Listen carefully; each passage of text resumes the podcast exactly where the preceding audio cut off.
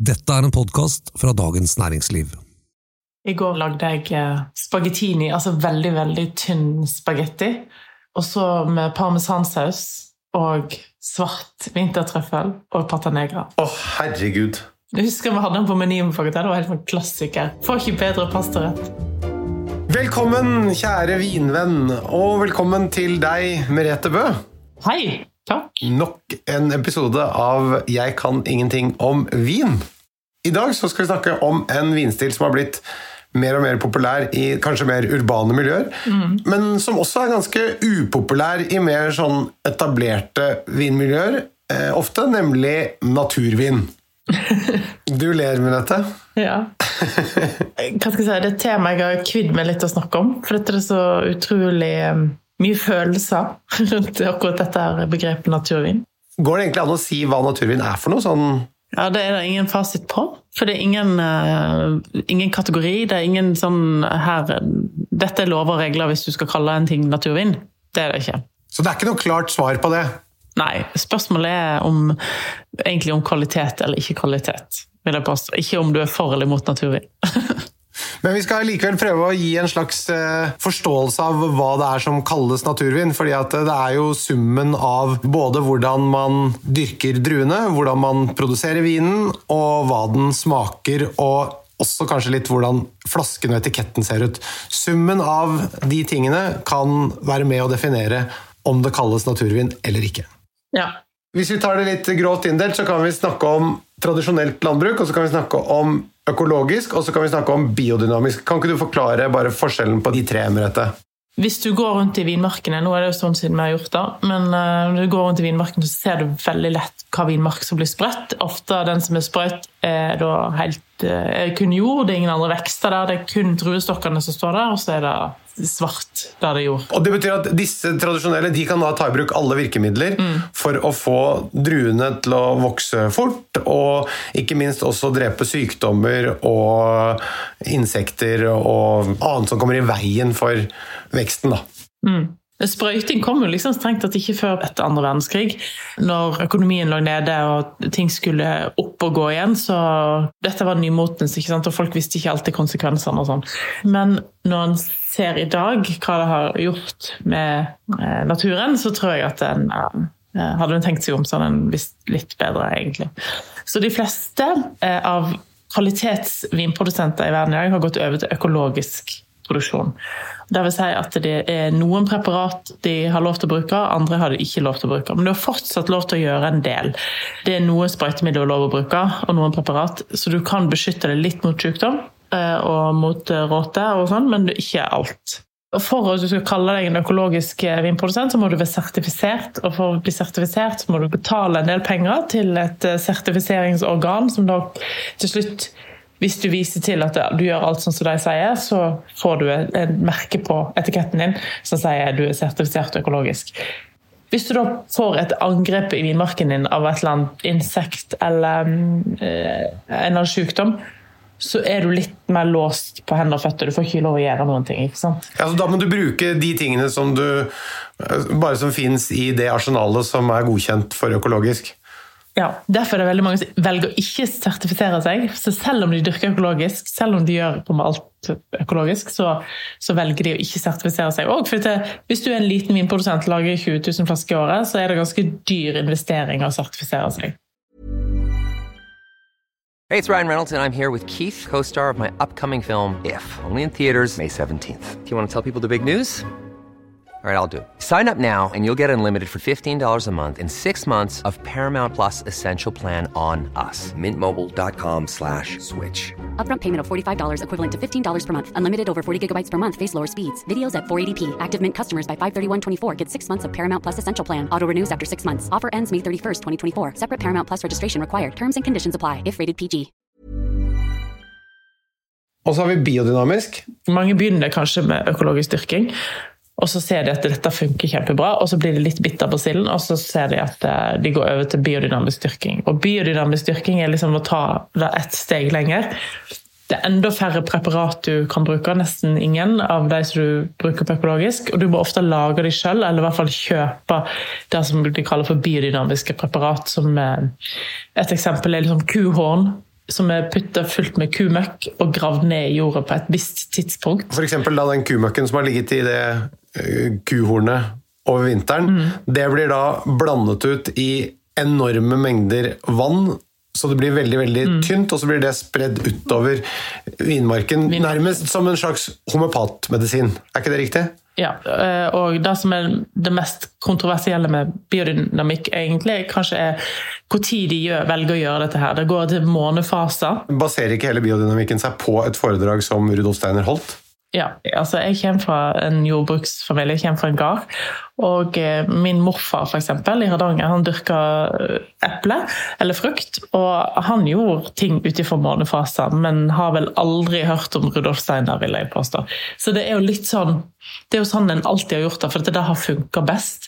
Eh, at du høster og planter og beskjærer i forskjellige månefaser eh, har han gjort i mange hundre år. Så sånn sett så er jo nettopp som du sier da, en del av de tingene som, som dere har gjort på din gård, og, og, som andre har gjort på andre gårder, det, det gir mening for uh, landbrukerne, fordi de har erfaring med at det er det som virker selv, uten at det på en måte har vært noen vitenskapelig forklaring. Nå er det vel Den vitenskapelige forklaringen, eller dokumentasjonen av disse tingene, er vel ikke nødvendigvis noe som Rudolf Steiner sørget for heller, så en del av det er litt mystisk, er det ikke det? Jo, det er veldig mystisk, og jeg vet jo ikke helt hvorfor det funker, men det viktigste er at en ser at det funker. De fleste som jeg har snakket med av vinprodusenter som har gått over til Som har prøvd alle tre forskjellige metodene, da, sier at uh, det biodynamiske Det blir liksom en helhetlig vinmarken. ikke sant? Altså, ok, Hvis det blir litt eh, mye av det ene dyret, så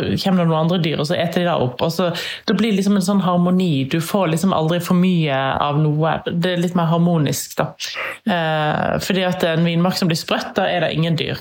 Men Hvis jeg har forstått det riktig, de vinprodusentene som jeg har besøkt, i hvert fall, så, så er tanken at man forsøker å bygge opp, nettopp som du sier, et eh, helhetlig økosystem som mm. er i balanse, og der plantene har en immunitet i seg som gjør at de selv har motstandskraften, så de ikke behøver medisiner og mm. sprøytemidler fra, fra landbrukerne. Mm. Men det er jo også sånn at biodynamisk det er veldig populært også blant det som kalles tradisjonelle produsenter. Mm. Så noen av de mest ettertraktede produsentene driver biodynamisk. Og det står aldri på etikett, for dette her trenger du òg um, en sertifisering til for å få opp på din etikett. Og for å få det opp på polet, da, hvis du søker på biodynamiske viner, noe du kan gjøre. Du kan ikke søke på økologiske viner, men du vil jo bare få opp en brøkdel, fordi du vil bare få opp det som er sertifisert. Selv om mange av disse da driver enten økologisk eller biodynamisk, sertifisert eller ikke, så er de allikevel ikke klassifisert som naturviner hvis du har lyst til å begynne å lage naturvin, så er det ikke noe krav til at den skal være laga av økologiske druer eller biodynamiske druer. Det på den ene siden, og på den annen side så er det heller ikke sånn at hvis du åpner en vin av en eh, produsent som dyrker biodynamisk, så er det ikke nødvendigvis at du ville sagt at å, dette er en naturvin. Nei, nei, nei. nei. Eh, de fleste viner som er dyrka biodynamisk, ville kanskje sagt ikke var en naturvin. Så noen som dyrker biodynamisk eller økologisk, kan eh, være en del av et naturvinsprosjekt og, være grunnlag for en naturvin, men ikke nødvendigvis. Mm. Hvis vi da går over på vinifikasjonen, altså selve produksjonen av vinen, hva er det der man gjør som kanskje kan eh, bidra til at en vin blir kalt naturvin?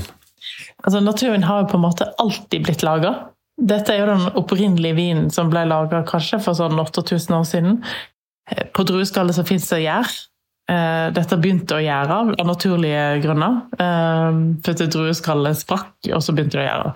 Og så tenkte de at dette er jo kult, dette smaker jo ganske godt. Eh, jeg har vært i verdens eldste vineri, som ligger i Armenia, i ei grotte i Armenia som er 6100 år gammelt. Så ser du disse leirkrukkene som står nede i sanden der, og da tenker du liksom dette ser helt likt ut som en naturvinprodusent på Sicilia i dag. Eh, og det er jo liksom det som er ideen bak naturen, at dette skal bli laga uten eller så lite form for menneskelig påvirkning som overhodet mulig. Eh, så du må jo liksom plukke druene, du må putte dem i et kar eller i en beholder. Eh, de kan bruke eik, men da er det ofte gamle eikefat, men i veldig liten grad. Stort sett amfora som blir brukt sementtank. Eh, og eh, så er det ganske lang skallkontakt. Altså at eh, druejusen ligger sammen med skallet veldig lenge, og det gjør at det, F.eks. i en hvitvin da, så blir den ofte oransje. så Da kaller den ofte oransjevin. Eh, fordi at det, det sette mye farge. Grunnen til at det ikke blir mer farge, er fordi det er grønne druer, så derfor så blir det oransje. Men den skallkontakten, gjør ikke den også noe med holdbarheten på vinen? Fordi det gir tanniner? Selvfølgelig. Det blir hvitvin med tanniner, og det blir eh, det er mye ting i skallet som bevarer vinen. Absolutt. ja. Og tanniner, for dere som ikke husker det, det er det som snerper det der tørre på tungen. Og det, en oransjevin har det i seg Ja. fordi den har da hatt skallkontakten. Han blir laga som å lage en rødvin. Da, for det sånn. En hvitvin som blir laga som en rødvin. Ja. Ja, nemlig. Og så blir det tapper på flasker. Noen bruker svovel, andre bruker ikke svovel. Eh, De blir tappa ofte ufiltrert. Altså at du filtrerer ikke vinen. Alt som er i vinen, alt stofflighet, alt eh, ligger fortsatt med. Så den er ofte veldig sånn grumsete. da. Så bunnstoffer, rester etter gjæringsprosessen osv., det, det følger med. Ja. Men eh, du nevnte også svovel. Ja, altså Svovel er jo veldig omdiskutert. Det er faktisk det eneste du må skrive på etiketten på ei vinflaske. Har lov å tilsette jeg tror det er 62 forskjellige ting til en eh, vin. Men EU sier at du slipper å skrive det opp etiketten, men du må skrive at du, det inneholder svovel. Og alkohol, selvfølgelig. Svovel er jo noe som fins i veldig mye. Svovel fins jo i um, salatposen, i, i um, flaskevannet, i, i kyllingfilet. Alt som er plastpakker. Nesten alt du kjøper i butikken. Men det er mange som tror at svovelen er det som gjør at de får vondt i hodet av vin. I veldig masse vin er det veldig lite svovel uansett. Hvis man mistenker at man er sensitiv for svovel, så burde man undersøke svovelmengden i de andre tingene man spiser, fordi sannsynligheten for at du får i deg veldig mye mer svovel fra andre ting enn vin, den er veldig stor, er den ikke det? Jo.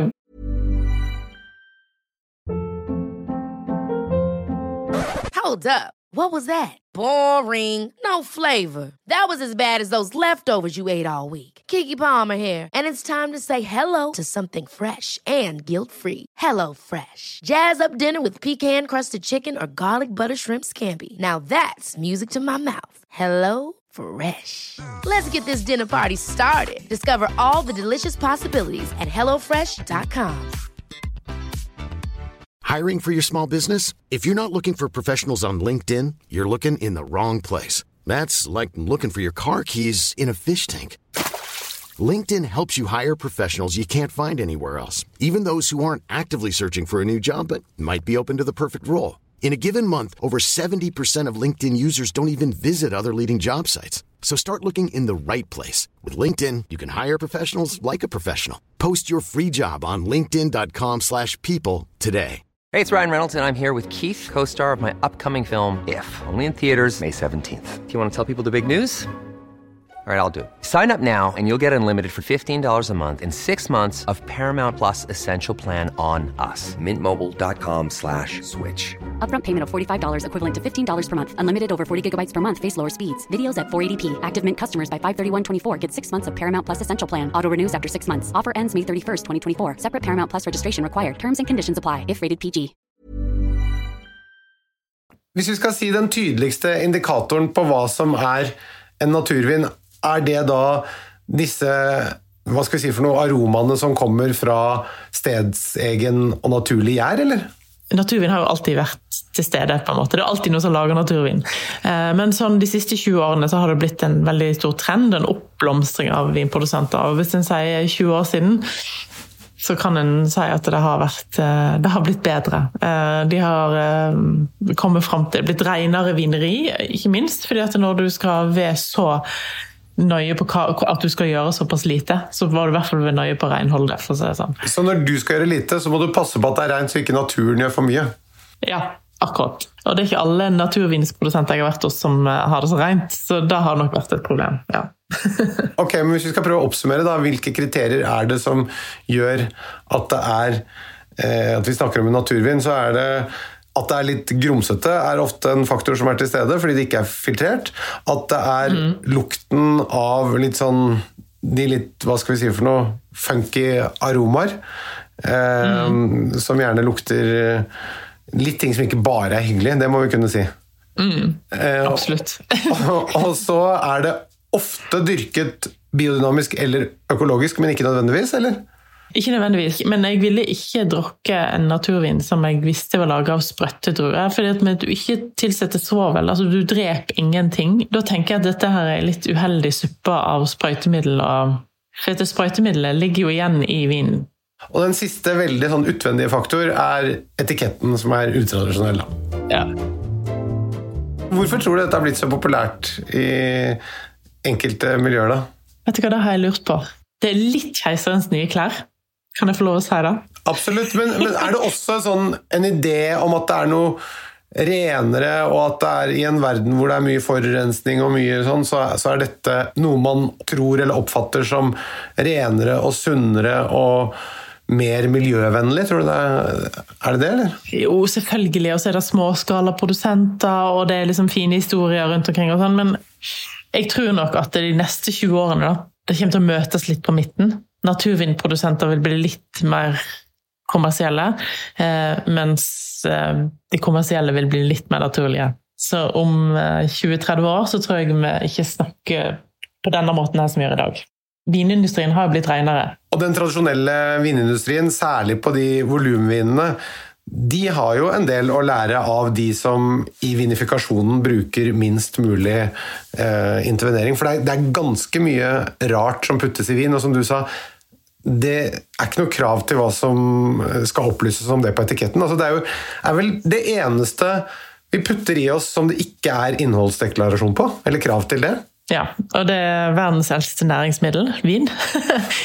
som det, det har vært noen som har lobbyert godt her, som gjør at jeg har sluppet unna det, men eh, jeg fatter begriper ikke at det ikke Det er jo helt utrolig, fordi at alt annet vi spiser, så må det jo opplyses om hva det er Mm. du får i deg. Og, og de som gjør dette i stor skala industrielt, det er mye rart som går opp i de flaskene. Definitivt. Jeg drikker så å si aldri i sånn superkommersiell vin, fordi at eh, Jeg tror ikke det er så bra. Og så syns jeg det er godt heller. Ok, men Merete, vi må komme med noen anbefalinger. Jeg har plukka ut noen få viner som er lett tilgjengelige, som alle kan kjøpe hvis de er litt nysgjerrig på stilen. og sånn. Nøkkelen til kvalitet når det kommer til naturvin, er at ting skal være rent og cleant og smake av frukt. Og ha en bra balanse mellom syre, fruktsødme, bitterhet, tanniner. Og det er det jo veldig få som har hatt uh, hittil. For det lille stikket av eh, festivaldo som eh, noen av dem har, det, det er ikke et kvalitetstegn for noen. Altså, Jeg har hatt så mange rare ansiktsuttrykk når jeg har putta nesa mi ned i et glass med naturvin at du ikke tror det. Men det har vært mye merkelige beskrivelser opp gjennom årene. Det er alt fra gammel fårikål til festivaldo. Ja, men det er mange, du må huske at det er nok mange av de som liker naturvin, hipstere, har vært mye på festivaler, så de er også mye mer fortrolig med den hibas-lukten. ja, bare skrive sånn 'dufter av hibas'.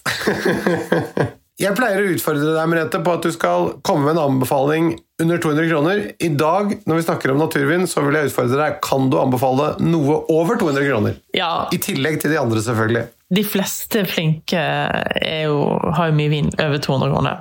Fordi at de lager jo lite, og de er ettertraktet over hele verden. ikke sant? Så du må liksom tenke litt sånn. Men det, jeg kommer til å anbefale en rekke produsenter, og noen av de er hva skal jeg si, mindre Litt snillere naturviner, hvis jeg skal si det sånn. Og noen er jo på grensa til er det naturvin, er det ikke. ikke sant? Så kommer til den defineringen her, da. Og Der det finnes mest naturvinsprodusenter, sånn, i hvert fall som er tilgjengelige på polet, så er det f.eks. Sicilia. er en stor oppblomstring av naturvinsprodusenter. Mye pga. en produsent som heter Frank Corneliussen og eh, en produsent som heter Koss. Og så kom da Occupinti litt etterpå. Og de tre er jo verdt å prøve. Jeg syns kanskje Occupinti, Adriana Occupinti, ung jente som lager vin i Vittoria på Sicilia, er kanskje den beste av de, reneste og lettest å like. Eh, Frank Corneliussen, som lager vin på Etna, er nok en eh, verdens minste vineri. Altså det som er like stor som kjøkkenet mitt, nesten. Og er blitt en sånn kultprodusent. da. For først er ikke vinene så lett å få tak i, de er ganske kostbare. Jeg syns ikke alltid de er verdt prisen. Toppvin heter Magma og eh, koster rundt 1000 kroner. eh. Men det er en av de naturvinene som tåler lagring litt, da, så det er jo litt morsomt. Mitt ankepunkt mot hans viner er at de er veldig opp og ned. Eh, og så har de ofte litt høy alkohol, som jeg syns er litt voldsomt. Men så lager han av og til noen helt perler noen viner innimellom, så det er litt sånn Men det er litt lotteri om du får en god vin fra han, da. Ja. Koss er jo eh, en av de som har vært der med der lengst, som har laga naturvin. Og på Vittoria, onkelen til Adriano Capinti, blant annet. Eh, og de òg lager noen fantastiske viner innimellom, og så er det noen litt mer ekstreme som kanskje litt for viderekomne, da. Så, eh, men absolutt å anbefale. Disse tre lager de både hvite og røde? Ja. Ja. Og så har du andre produsenter i Italia, som Camillo Donati, som lager veldig mye musserende vin i alle miljøer, altså petnat, petiant naturell, der gjæringen har foregått på flasker. Her får du liksom både røde og hvite druer, som er litt sånn De er ganske rene ofte, og jeg syns de er ganske flotte, egentlig. Ja. Hvis du skal prøve en naturvin eh, som er virkelig god, som faktisk er tilgjengelig i basissortimentet til polet, bare på de største polene, men likevel, eh, så heter Casa Belfi eh, fra Veneto, og lager da en petnat, en naturvin på Glera, som er druen i Prosecco. Og den koster under 200 kroner. Den koster 199,90. Yes. Når vi snakket om Italia, har du, andre, har du fra andre deler av verden også? Jeg har det, men eh, noen eh, må nett nevne Josko Gravner, uh, Friuli i Nord-Italia, og eh, en annen produsent som heter Radicon. Disse to er eh, veldig ekstreme. Men eh, de lager faktisk ganske god vin. Altså, det er for spesielt interesserte, og det er veldig lang skallkontakt. Og det er veldig mørke, mørkegule viner, men funker til en del mat da, som andre viner ikke funker så godt til. For eksempel hva da? Eh, Jeg fikk et spørsmål her, eh, det var i fjor til jul. Så jeg fikk jeg et spørsmål, hva skal jeg drikke til mølja? Så mølja, altså jul jeg var, var litt sånn, For jeg tenkte på torskemølja, ikke sant? på skrei. Ja. Nei, nei, mølja, da var det sånn eh, tror det var fra ikke det fra Vestfold, eller noe sånt. Altså kraft etter kokt svin eh, sammen med flatbrød og sånne ting. Og, og det har jo jeg aldri smakt sjøl, for det er liksom ikke noen tradisjon der jeg kommer fra.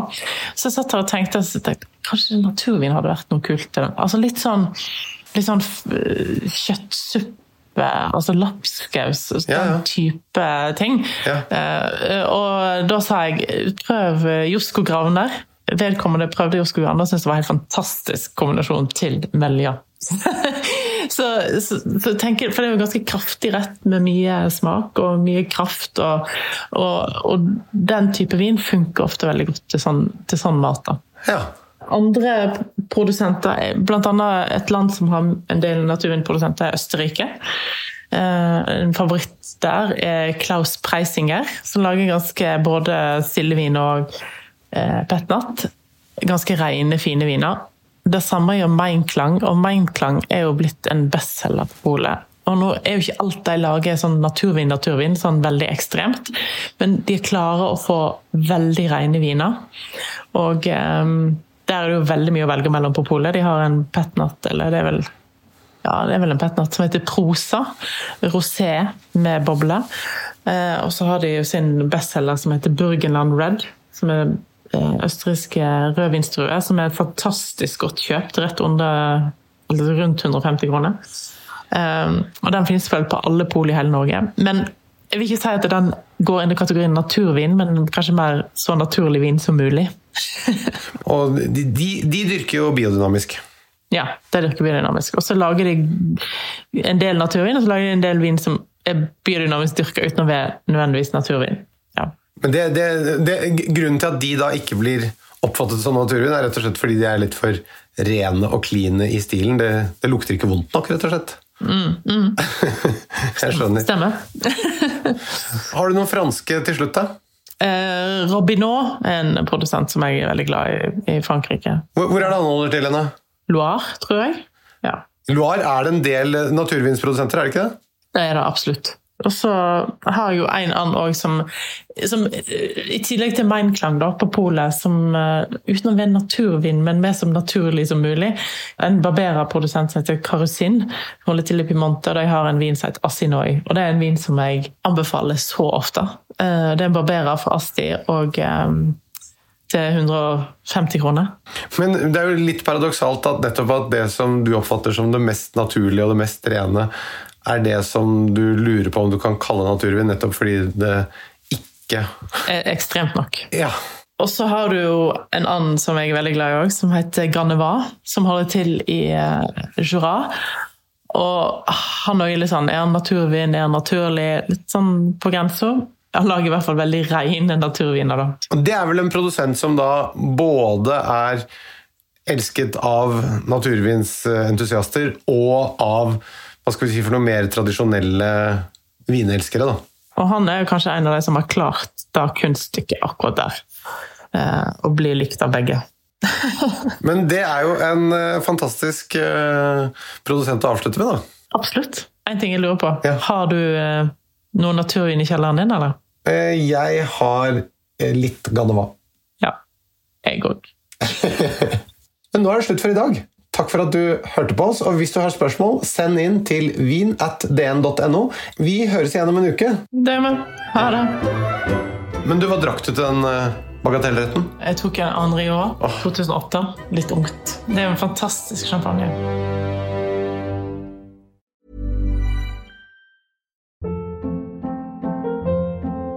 Hold up. What was that? Boring. No flavor. That was as bad as those leftovers you ate all week. Kiki Palmer here, and it's time to say hello to something fresh and guilt-free. Hello Fresh. Jazz up dinner with pecan-crusted chicken or garlic butter shrimp scampi. Now that's music to my mouth. Hello Fresh. Let's get this dinner party started. Discover all the delicious possibilities at hellofresh.com.